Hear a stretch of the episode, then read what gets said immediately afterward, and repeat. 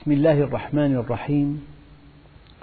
الحمد لله رب العالمين والصلاة والسلام على سيدنا محمد وعلى آل بيته الطيبين الطاهرين وعلى صحابته الغر الميامين أمناء دعوته وقادة ألويته وارض عنا وعنهم يا رب العالمين. اللهم أخرجنا من ظلمات الجهل والوهم إلى أنوار المعرفة والعلم ومن وحول الشهوات إلى جنات القربات. أيها الإخوة الكرام مع الدرس السادس والخمسين من دروس سورة التوبة ومع الآية السادسة والثمانين وما بعدها وهي قوله تعالى وإذا أنزلت سورة. أن آمنوا الله عز وجل خلقنا ليسعدنا في الدنيا والآخرة. وجاء بنا إلى الدنيا كي نعرفه وكي نلتزم منهجه وكي نتقرب إليه وهذا ثمن الجنة التي خلقنا لها. بالمناسبة البشر على اختلاف مللهم ونحلهم وانتماءاتهم وأعراقهم وأنسابهم وطوائفهم هم نموذجان عند الله. أعطى واتقى وصدق بالحسنى بخل واستغنى وكذب بالحسنى. فالإنسان إذا آمن أنه مخلوق للجنة يتقي أن يعصي الله. وإذا آمن أنه مخلوق للجنة يبني حياته على العطاء.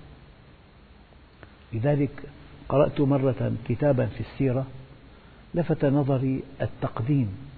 هذا الكتاب قدم لرسول الله. قال يا من جئت الحياة فأعطيت ولم تأخذ. الأنبياء أعطوا ولم يأخذوا الأقوياء أخذوا ولم يعطوا. الأنبياء عاشوا للناس والأقوياء عاش الناس لهم. الأنبياء ملكوا القلوب والأقوياء ملكوا الرقاب. الأنبياء يمدحون في غيبتهم والأقوياء في حضرتهم.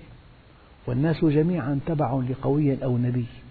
فلذلك هذا النبي الكريم أرسله الله كي نطبق المنهج الذي جاء معه والشيء الذي يلفت النظر أن الله يقول في آية أخرى وما كان الله ليعذبهم وأنت فيهم. يعني مستحيل وألف ألف ألف مستحيل أن يعذب المسلمون إذا طبقوا منهج رسول الله. وما كان الله ليعذبهم وأنت فيهم. هذه بحبوحة. وما كان الله معذبهم وهم يستغفرون. فلذلك الآية الكريمة وإذا أنزلت سورة أن آمنوا. علة وجودك في الدنيا أن تؤمن. علة وجودك في الدنيا أن تعمل صالحا. علة وجودك في الدنيا أن تدفع فيها ثمن الآخرة. أن آمنوا. فالإيمان لا قيمة له إلا إذا حملك على طاعة الله. الإيمان لا قيمة له إلا إذا حملك على طاعة الله. فإن لم يحملك الإيمان على طاعة الله لا يقدم ولا يؤخر بل هو عبء عليك وشهادة على أنك وقعت في خطأ كبير. نعم. الإيمان حجة لك أو عليك. فلذلك وإذا أنزلت سورة أن أن يعني مضمونها. مضمون هذه السورة أن آمنوا بالله. بالله الذي خلقك. بالله الذي يربيك يمدك بما تحتاج. بالله الذي يسيرك. الله عز وجل خالق ومربي ومسير. خالق خلقك من عدم. مربي يعني رب العالمين أمدك بما تحتاج. أمدك بالهواء أمدك بالماء أمدك بالزوجة بالأولاد بالطعام بالشراب بالمزروعات بالنباتات بالأطيار بالأسماك. أعطاك هذا الكون أن آمنوا يعني لا شيء يعلو على الإيمان بل إن البشر يفترقون عند الإيمان. مؤمن وغير مؤمن المؤمن أعطى واتقى وصدق بالحسنى. الرد الإلهي فسنيسره لليسرى. حياته ميسرة فيها سعادة فيها طمأنينة فيها شعور بالأمن فيها استقرار له أعمال صالحة كثيرة. الله عز وجل يعني يحفظه ينصره يؤيده يقربه يجري على يديه الخير الكثير. وغير المؤمن شرد عن الله فقد سعادته فقد النور الذي يمشي به. يا أيها الذين آمنوا يعني اتقوا الله وآمنوا برسوله. يؤتكم كفلين من رحمته ويجعل لكم نورا تمشون به. المؤمن في عنده نور وهي آية قرآنية. الإيمان نور أنت حينما تتصل بالله يمتلئ القلب نورا. بهذا النور ترى به الحق حقا والباطل باطلا. ترى به الخير خيرا والشر شرا. فالمؤمن له رؤية صحيحة بالمناسبة أي عمل أي عمل تقوم به وراء رؤية؟ فالذي يقدم على عمل سيء ماذا رأى؟ رأى أن هذا العمل السيء فيه مكسب كبير ونسي حساب الله له ونسي ما سوف ينجم عنه من آلام. فبطولة المؤمن أن تصح رؤيته. إن صحت رؤيته صح عمله. إن صحت رؤيته صح عمله. لكن هناك شيء يعينك على أن تصح رؤيتك أن تعرف سر وجودك. كأن نقول لطالب أرسله أبوه إلى باريس لينال الدكتوراه مدينة باريس واسعة جدا مدينة كبيرة مترامية الأطراف فيها مسارح فيها دور له فيها دور سينما. فيها حدائق فيها معامل فيها مساكن فيها فيها. هذا الطالب الذي أرسله أبوه إلى باريس ليدرس الدكتوراه. نقول علة وجوده شيء واحد نيل هذه الشهادة؟ فالإنسان متى يصح إيمانه؟ ومتى يفلح في دنياه وآخرته؟ إذا عرف سر وجوده. أنت خلقت في الدنيا من أجل أن تعبد الله. والعبادة بالمفهوم الواسع. أن تخضع لمنهجه. منهج الله عز وجل واسع كثير. يبدأ من فراش الزوجية وينتهي بالعلاقات الدولية. كلمة آمن. أنت في الدنيا إذا قلت فلان دكتور يعني معه ابتدائية معه إعدادي معه ثانوي معه شهادة جامعية معه دبلوم عامي معه دبلوم خاصة معه ماجستير معه دكتوراه. 13 شهادة. وقضى 33 سنة بالدراسة من كلمة دال إلى جانب اسمه. فكيف إذا كنت مؤمنا؟ غنمت الدنيا والآخرة. فكلمة مؤمن كلمة إنسان غافل عن الله.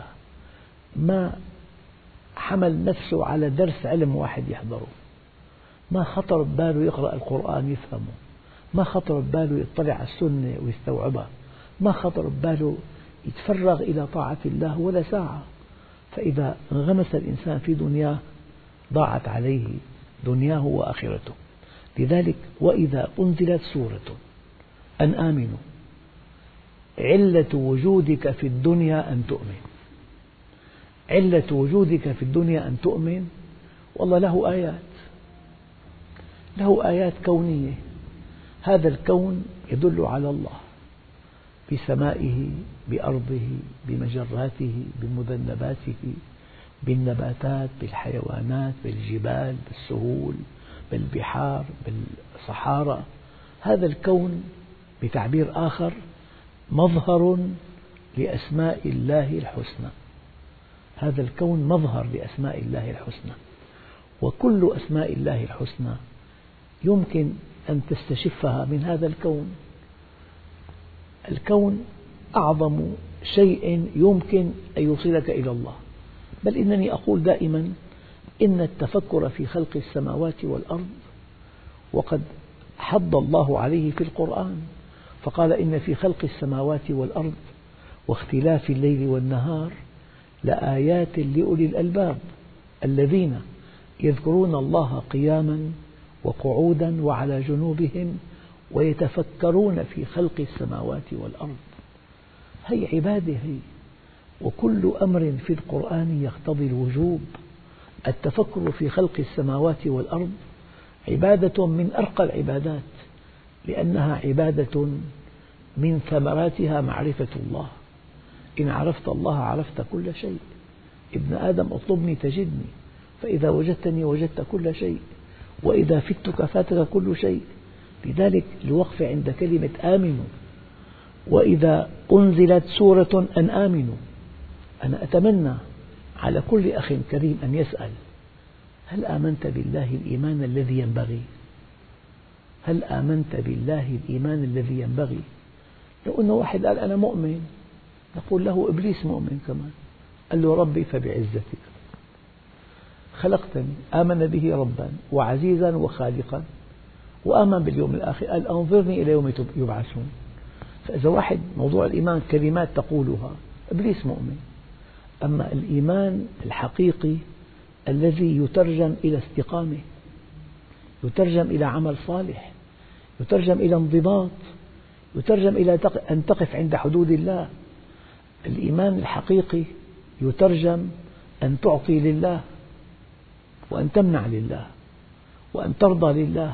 وأن تغضب لله وأن تصل لله وأن تقطع لله.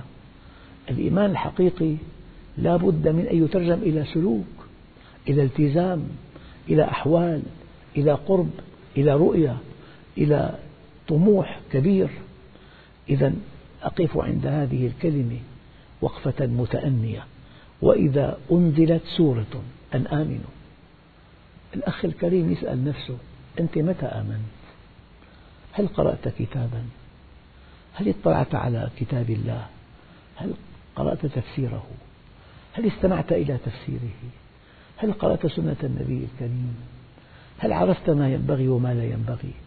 هل عرفت لماذا جئت إلى الدنيا؟ هي كلها ضمن الإيمان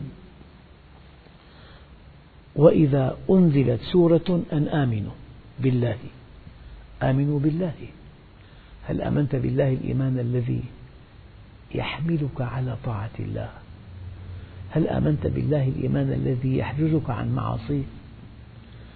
ما بكفي تآمن. يعني عفوا لو أنه إنسان معه مرض جلدي وشفاؤه الوحيد أن يتعرض إلى أشعة الشمس الدواء الوحيد أشعة الشمس فجلس في غرفة مظلمة وقال يا لها من شمس ساطعة. ما أعظم ضوء الشمس؟ لو أمضى وقته كله في الإشادة بضوء الشمس وعظمة الشمس ولم يتعرض لأشعة الشمس لا قيمة لكل هذا الشيء. لذلك إذا اكتفيت بالإيمان لم تفعل شيئا. أنت ماذا فعلت إذا اكتفيت بالإيمان؟ أنت ما زدت على أن أقررت بشيء واقع. شئت أم أبيت؟ إن لم تقر به فهذا مجنون. إن أقررت به ما فعلت شيئا. شيء واقع. هلا الشمس ساطعة؟ أنا أقول الشمس ساطعة ماذا فعلت؟ أما هذا المريض معه مرض جلدي خطير. دواؤه الوحيد في التعرض لأشعة الشمس. إن لم يتعرض لهذه الأشعة لا قيمة لإيمانه بوجود الشمس. فالحقيقة أنه وإذا أنزلت سورة أن آمنوا كلمة آمنوا لها أبعاد كبيرة جدا. أي وقت بذلته كي تؤمن؟ أي مجلس علم حضرته كي تؤمن؟ أي كتاب قرأته كي تؤمن؟ أي لقاء تم كي تؤمن؟ أي إنسان تتلمست على يديه كي تؤمن؟ ما الذي فعلته حتى آمنت؟ إنسان حتى يدخل بأقل وظيفة بالبلد يحتاج إلى شهادة ثانوية. 12 سنة دراسة حتى يدخل لأقل وظيفة. فكيف إذا أراد دخول الجنة بلا إيمان؟ إذا وإذا أنزلت سورة أن آمنوا بالله. طبعا بالله خالقا بالله ربا بالله مسيرا بالله صاحب الأسماء الحسنى والصفات الفضلى. أن آمنوا بالله وجاهدوا مع رسوله. ما بكفي تآمن لا بد من حركة حركة. في التزام في امتناع في عطاء في أخذ في رضا في غضب في صلة في قطيعة. المؤمن له حركة. الحركة نتيجة لإيمانه.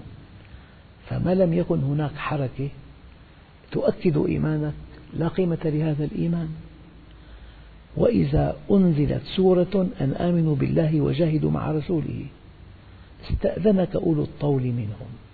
الأغنياء الأقوياء غارقون في متعهم في ملذاتهم في شهواتهم. هؤلاء أرادوا الدنيا واكتفوا بها وغابوا عن الآخرة. نعم. لذلك إن هذه الدنيا دار التواء لا دار استواء ومنزل ترح لا منزل فرح فمن عرفها لم يفرح لرخاء ولم يحزن لشقاء. قد جعلها الله دار بلوى وجعل الآخرة دار عقبى فجعل بلاء الدنيا لعطاء الآخرة سببا وجعل عطاء الآخرة من بلوى الدنيا عوضا فيأخذ ليعطي ويبتلي ليجزي. إذا استأذنك أولو الطول يعني يدهم تطول كل شيء بمالهم لك المال يفعل كل شيء. أولو الطول أو أولو القوة إما أنه قوي بماله أو قوي بمنصبه أو قوي بعلمه. استأذنك أولو الطول منهم وقالوا ذرنا نكن مع القاعدين. يعني أرادوا الدنيا واكتفوا بها. والآية الدقيقة يقول سيدنا عمر بن عبد العزيز ما دخل إلى مجلسه إلا ويتلو هذه الآية والآية دقيقة جدا. أفرأيت إن متعناهم سنين؟ ثم جاءهم ما كانوا يوعدون ما أغنى عنهم ما كانوا يمتعون. أفرأيت إن متعناهم سنين؟ ثم جاءهم ما كانوا يوعدون ما أغنى عنهم ما كانوا يمتعون. إذا وإذا أنزلت سورة أن آمنوا بالله وجاهدوا مع رسوله استأذنك أولو الطول. هؤلاء الأقوياء والأغنياء. منهم أولو الطول منهم وقالوا ذرنا نكن مع القاعدين.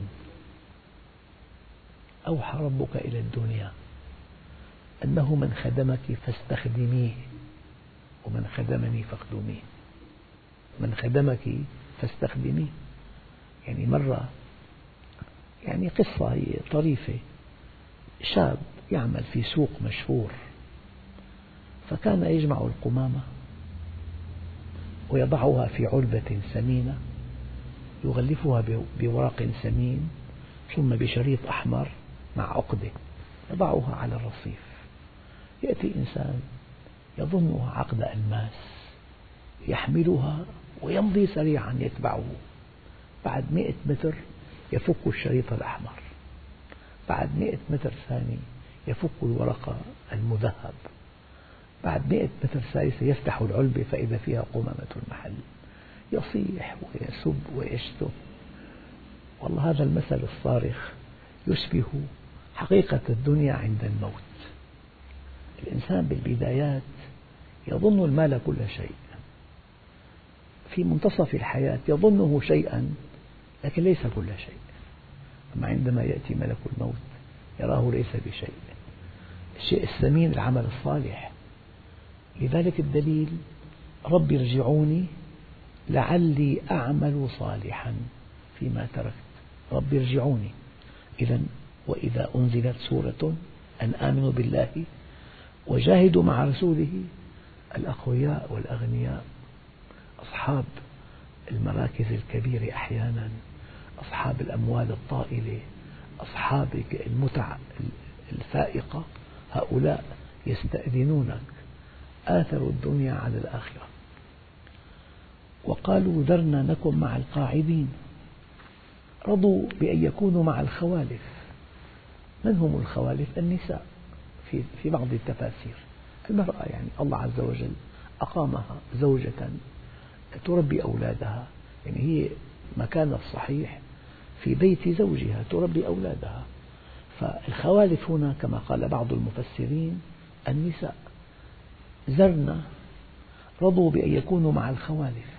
مع أن المرأة في منطوق الإسلام العظيم مساوية للرجل تماما في التكليف والتشريف والمسؤولية. في التكليف والتشريف والمسؤولية. مساوية له مكلفة كما هو مكلف. مشرفة كما هو مشرف. مسؤولة كما هو مسؤول. لكن المرأة مكانها الطبيعي أن تكون مربية لأولادها. لذلك هذه امرأة جاءت النبي عليه الصلاة والسلام وقالت يا رسول الله إن زوجي تزوجني وأنا شابة ذات أهل ومال وجمال. فلما كبرت سني ونثر بطني وتفرق أهلي وذهب مالي قال أنت علي كظهر أمي. ولي منه أولاد. إن تركتهم إليه ضاعوا. وإن ضممتهم إلي جاعوا. شوف التقسيم اللطيف. هو ينفق عليهم وأنا أربيهم. إن تركتهم إليه ضاعوا. وإن ضممتهم إلي جاعوا. فبكى النبي الكريم. هذه المرأة التي ذكر الله أنه سمع قصتها من فوق سبع سماوات نعم. لذلك رضوا بأن يكونوا مع الخوالف يعني مع قسم من الناس اختارهم الله ليكونوا في تربية أولادهم نعم. هذا مما يرفع شأن المرأة والدليل الدقيق أن النبي صلى الله عليه وسلم حينما فتح مكة المكرمة دعاه سادتها ليبيت عندهم. ما الذي فعله؟ قال انصبوا لي خيمة عند قبر خديجة. وركز لواء النصر أمام قبرها. ليعلم العالم كله أن هذه المرأة التي في القبر شريكته في النصر. فالمرأة وهي في بيتها تعتني بأولادها. وتكون زوجة صالحة هي في أعلى درجة عند الله لكن مكانها في إدارة بيتها. أما الرجل له مكان آخر فإذا المواقف تبدلت والأماكن تبدلت في مشكلة بصير. رجل مهمته خارج البيت رضوا بأن يكونوا مع الخوالف وطبع على قلوبهم. معنى طبع المعنى دقيق جدا. الإنسان إذا اختار الباطل واستمرأه وأصر عليه يألفه يرفض شيئا آخر. فهذا الطبع يسموه تحصيل حاصل. الإنسان إذا اختار الباطل واستمرأه أعجب به أصر عليه الله عز وجل جعله مخير. الله عز وجل خلق الإنسان أعطاه الخيار. فإذا أصر على هذا فليكن ما يريد. لكن الله عز وجل بنبهه يسوق له بعض الشدائد يجمعه مع من ينصحه. فإذا أصر على ما هو فيه يدعه وشأنه كما قال الله عز وجل فلما نسوا ما ذكروا به فتحنا عليهم أبواب كل شيء حتى إذا فرحوا بما أوتوا أخذناهم بغتة. الله عز وجل بينصح. يبعث رسل أنبياء دعاة علماء. يسوق لك بعض الشدائد. قد تعالج نفسيا قد تعالج ماديا قد, قد تساق لك مصيبة. عجب ربك من قوم يساقون إلى الجنة بالسلاسل. فحينما أرادوا أن يكونوا مع الخوالف طبعا هذه الكلمة لا تخدش مكانة المرأة إطلاقا بس هي لها مكان آخر. يعني مو معقول إنسان عنده أولاد يحتاجون إلى تربية إلى توجيه إلى إعداد طعام. مكان الطبيعي وتصل بهذا المكان إلى أعلى درجة بس حينما يقبع الرجل في البيت ويدع العمل نقول هذا اختار مكان غير صحيح ليس هذا مكانه. إذا رضوا بأن يكونوا مع الخوالف وطبع على قلوبهم فهم لا يفقهون. الطبع هنا تحصيل حاصل. يعني أنا حينما أمشي في طريق هذا في مدينة معينة ثم أرى طريقين وإنسان يقف ولا أسأله أين الطريق الموصل لهذه المدينة وأختار عشوائيا طريق هذا الطريق لا ينتهي بالمدينة التي أريد فهذا خطأ من المسافر. يتحمل هذا المسافر خطأه. حينما لم يسأل وأصر على خطئه. إذا وطبع على قلوبهم فهم لا يفقهون لا يفقهون سر وجودهم ولا غاية وجودهم ولا أسباب سلامتهم ولا أسباب سعادتهم. لكن الرسول والذين آمنوا معه يا الله لكن استدراك إلا أن النبي عليه الصلاة والسلام والذين آمنوا معه جاهدوا بأموالهم وأنفسهم يعني عرفوا سر وجودهم عرفوا غاية وجودهم جعلوا من جهادهم طريقا للجنة. لكن الرسول والذين آمنوا معه طبعا قد قد تلتقي برسول الله وتؤمن معه وقد لا تلتقي به وتؤمن معه شيء طبيعي. يعني ممكن أن تلتقي به وأن تؤمن معه. يمكن أن تأتي بعد ألف عام فإذا آمنت معه لك أجر كبير. يعني هذا العطاء عطاء مشترك لكل البشر. نعم. لكن الرسول والذين آمنوا معه جاهدوا بأموالهم وأنفسهم. يبدو أن هنا قدم الله الجهاد بالمال على جهاد النفس. قال بعض العلماء لأنه أسهل. إنفاق المال أسهل من جهاد النفس والهوى.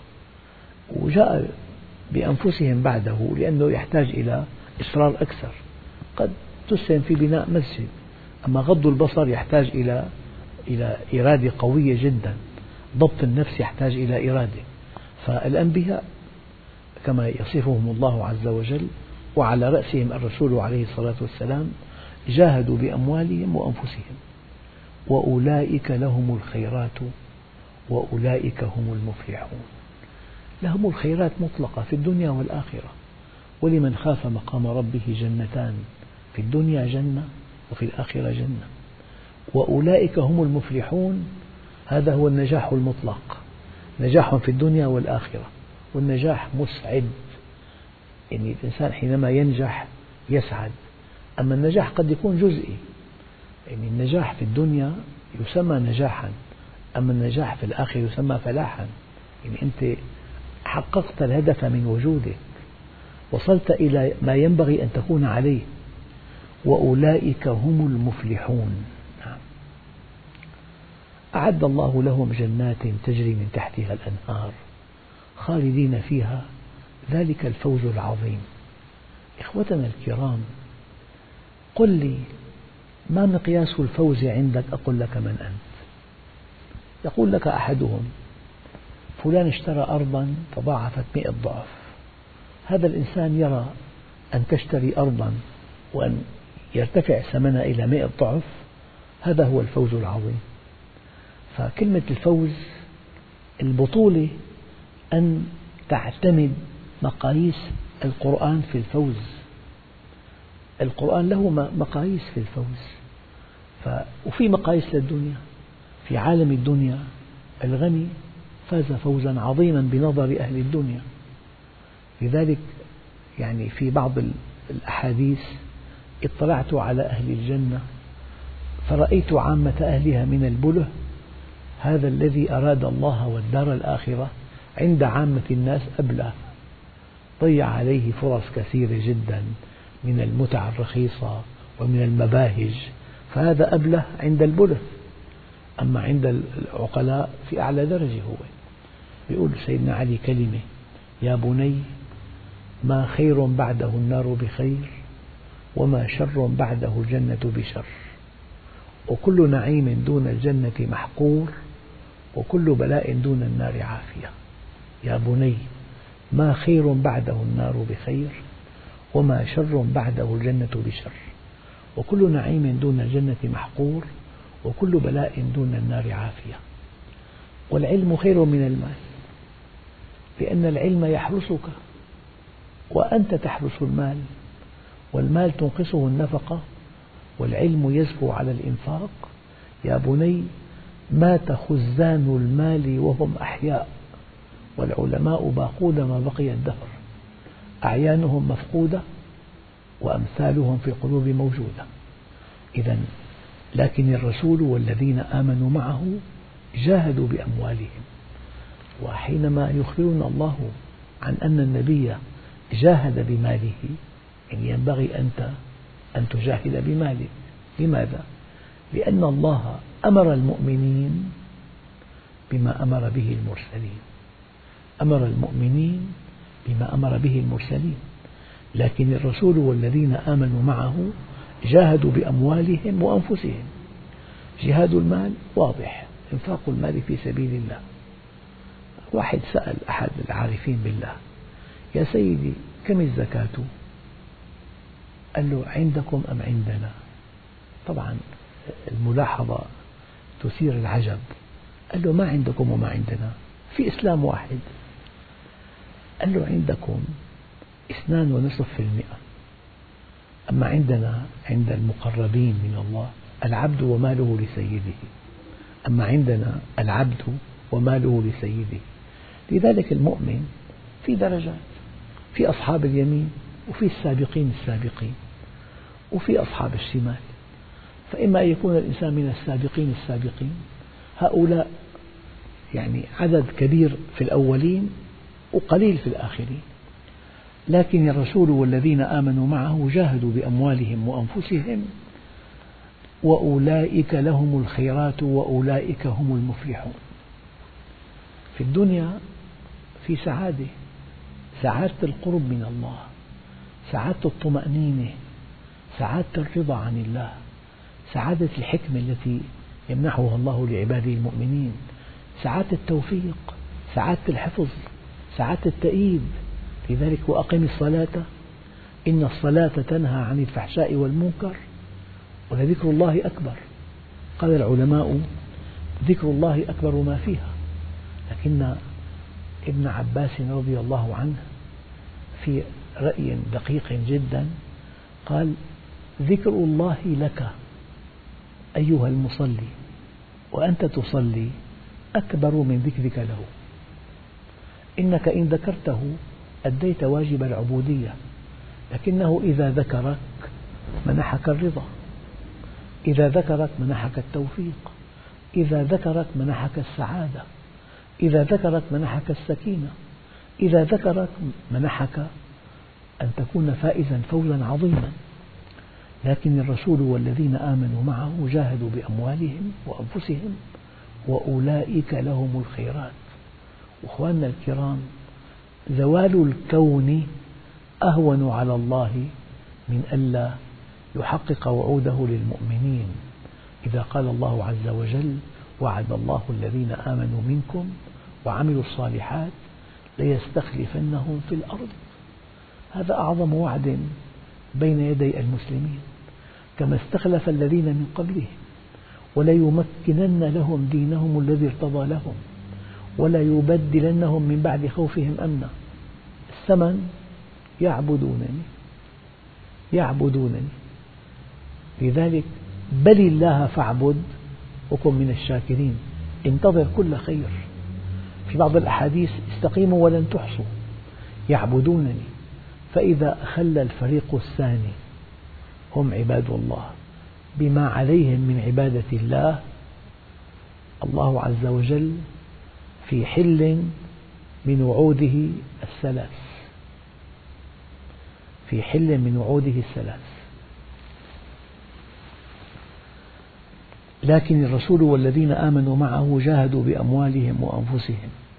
وذكرنا أن الجهاد جهاد النفس والهوى وفي الجهاد البنائي أعدوا لهم وهذا الجهاد البنائي تحتاجه أمتنا الإسلامية اليوم يجب أن نقوي أنفسنا أن نستصلح الأراضي أن نشق الطرق أن نبني السدود أن نرفع مستوى المعيشة لأن معركة الحق والباطل معركة أزلية أبدية أزلية أبدية.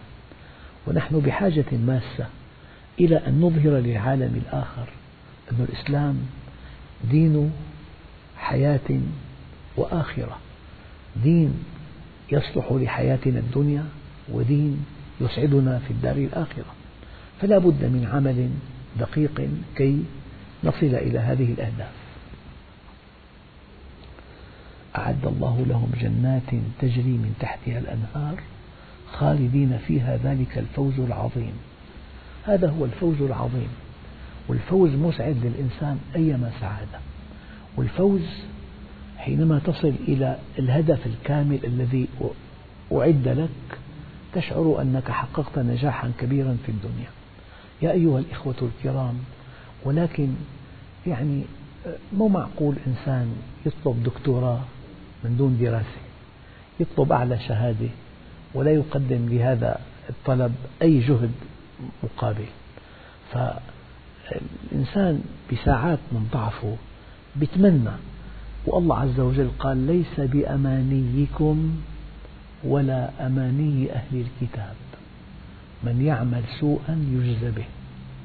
وهذا الشيء الدقيق جدا أن الله عز وجل أراد أن يكون لكل نتيجة سبب. وهي في شيء اسمه مقدمات ونتائج. فمن الخطأ الكبير أن تتوقع نتائج بلا مقدمات. والمسلمون اليوم كما قال الله عز وجل يعبدونني. قال وعد الله الذين آمنوا منكم وعملوا الصالحات ليستخلفنهم في الأرض كما استخلف الذين من قبلهم ولا يمكنن لهم دينهم الذي ارتضى لهم ولا يبدلنهم من بعد خوفهم أمنا يعبدونني. المشكلة أن العبادة تقلصت وتقلصت وضاقت وضاقت حتى فهم معظم المسلمين أن العبادة أن تؤدي العبادات الشعائرية. تصلي تصوم تحج وتزكي. لكن النبي الكريم سأل مرة أصحابه من المفلس قالوا من لا درهم له ولا متاع؟ قال لا. المفلس من أتى بصلاة وصيام وصدقة وقد ضرب هذا وشتم هذا وأكل مال هذا فيأخذ هذا من حسناته وهذا من حسناته فإذا فنيت حسناته طرحوا عليه سيئاتهم حتى يطرح في النار. هي الصلاة؟ طيب يؤتى برجال يوم القيامة لهم أعمال كجبال تهامة يجعلها الله وباء منثورا. قيل يا رسول الله جلهم لنا. قال إنهم يصلون كما تصلون ويأخذون من الليل كما تأخذون ولكنهم إذا خلوا بمحارم الله انتهكوها. هي الصلاة؟ طيب رب صائم ليس له من صيامه إلا الجوع والعطش. هي الصيام. الصوم من دون طاعة لله من دون إقبال على الله من دون توبة نصوحة لا قيمة له. كيف فهم المسلمون اليوم أن الدين ليس إلا عبادات شعائرية؟ بينما الدين منهج تفصيلي. يبدأ من فراش الزوجية وينتهي بالعلاقات الدولية. في كسب مالك في إنفاق مالك في قضاء وقت فراغك في بيتك في الطريق في العمل في صناعتك في زراعتك في تجارتك في منصبك أنت حينما تفهم الإسلام على أنه منهج كامل منهج شامل منهج يدور معك أينما درت وأينما وجدت تجد أن هذا المنهج يحتاج إلى جهد كبير وإلى إرادة قوية وإلى عزيمة. لذلك أعد الله لهم جنات تجري من تحتها الأنهار. خالدين فيها ذلك الفوز العظيم. يعني هذا الفوز عند العظيم وصفه الله بأنه عظيم عند العظيم. يعني أنا أقول دائما المثل الذي يوضح هذه الفكرة. طفل صغير عقب عيد الأضحى زاره عمه قال له أنا معي مبلغ عظيم. كم تقدر هذا المبلغ؟ بمئتي ليرة بألفي ليرة. أما إذا قال مسؤول كبير في في دولة عظمى. أعددنا لهذه الحرب مبلغا عظيما. هذا يقدر بمئتي مليار. فإذا قال ملك الملوك ومالك الملوك فإذا قال الله رب العالمين ذلك الفوز العظيم. معنى ذلك أن تكون مؤمنا هذا هو الفوز العظيم. في آية ثانية وعلمك ما لم تكن تعلم. وكان فضل الله عليك عظيما. يعني إذا أردت الدنيا فعليك بالعلم وإذا أردت الآخرة فعليك بالعلم وإذا أردتهما معا فعليك بالعلم. والعلم لا يعطيك بعضه إلا إذا أعطيته كلك. فإذا أعطيته بعضك لم يعطيك شيئا. ويظل المرء عالما ما طلب العلم. فإذا ظن أنه قد علم فقد جهل. والحمد لله رب العالمين.